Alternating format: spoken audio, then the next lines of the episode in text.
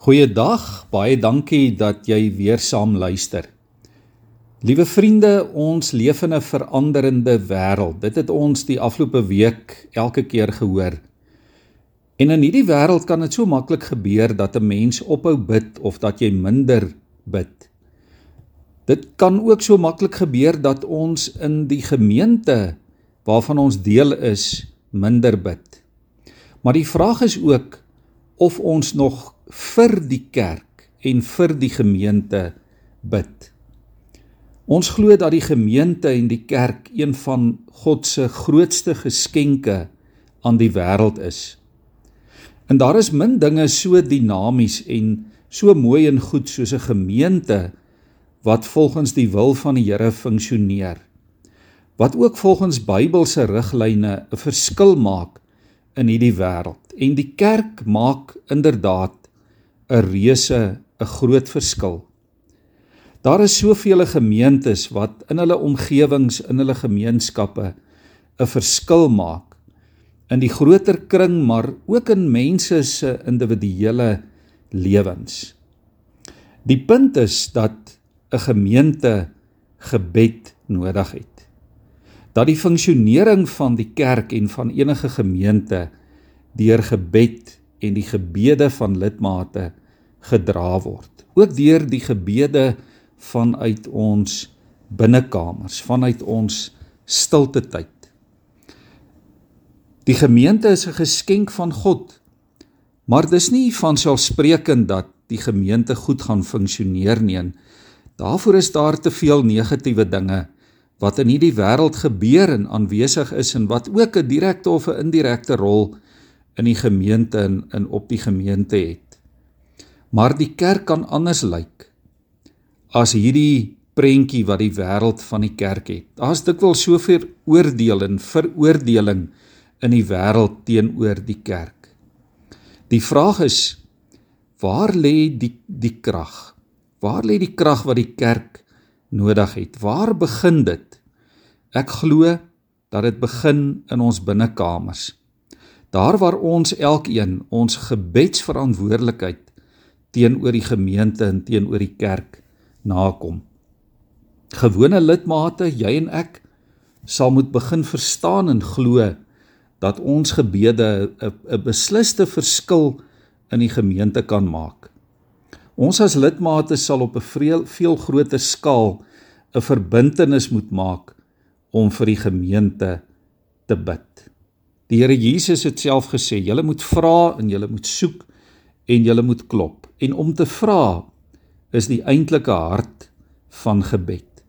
Charles Spurgeon, die groot prediker het gesê dat vra is een van die grondreëls van die koninkryk van God. Ons moet vra.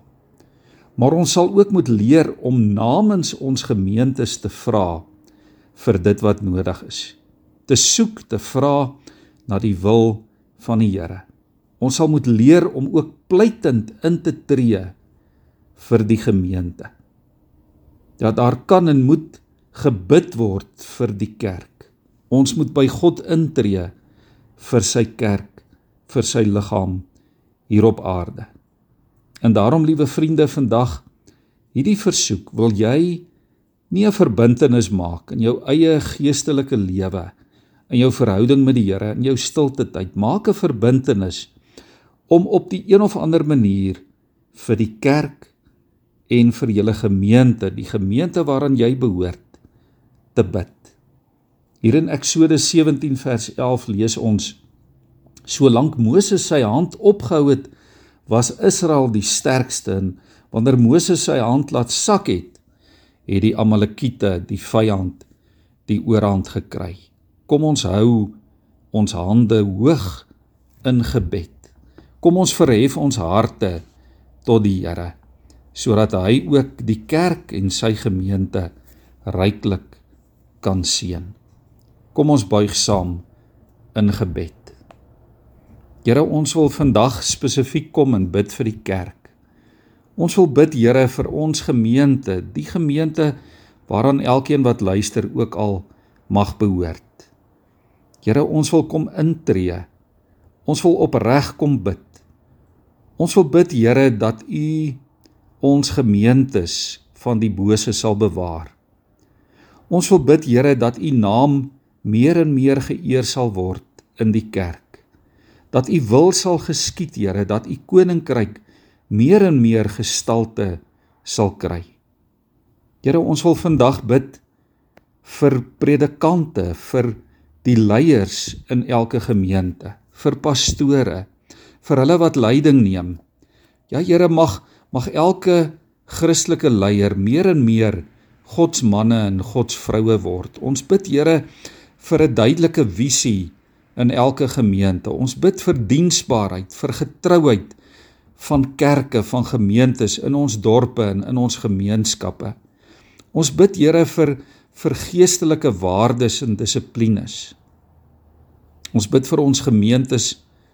Ja Here vir ons jong mense, maar ook vir ons ouer lidmate. Ons bid vir hulle wat spesifieke behoeftes het in ons gemeentes. Ons bid Here vir kerke se finansies. Ons bid vir 'n gees van offervaardigheid en diens diensvaardigheid. Ons bid Here vir eensgesindheid en liefde dat dit sal triomfeer. Ja Here mag konflik verdwyn in u kerk.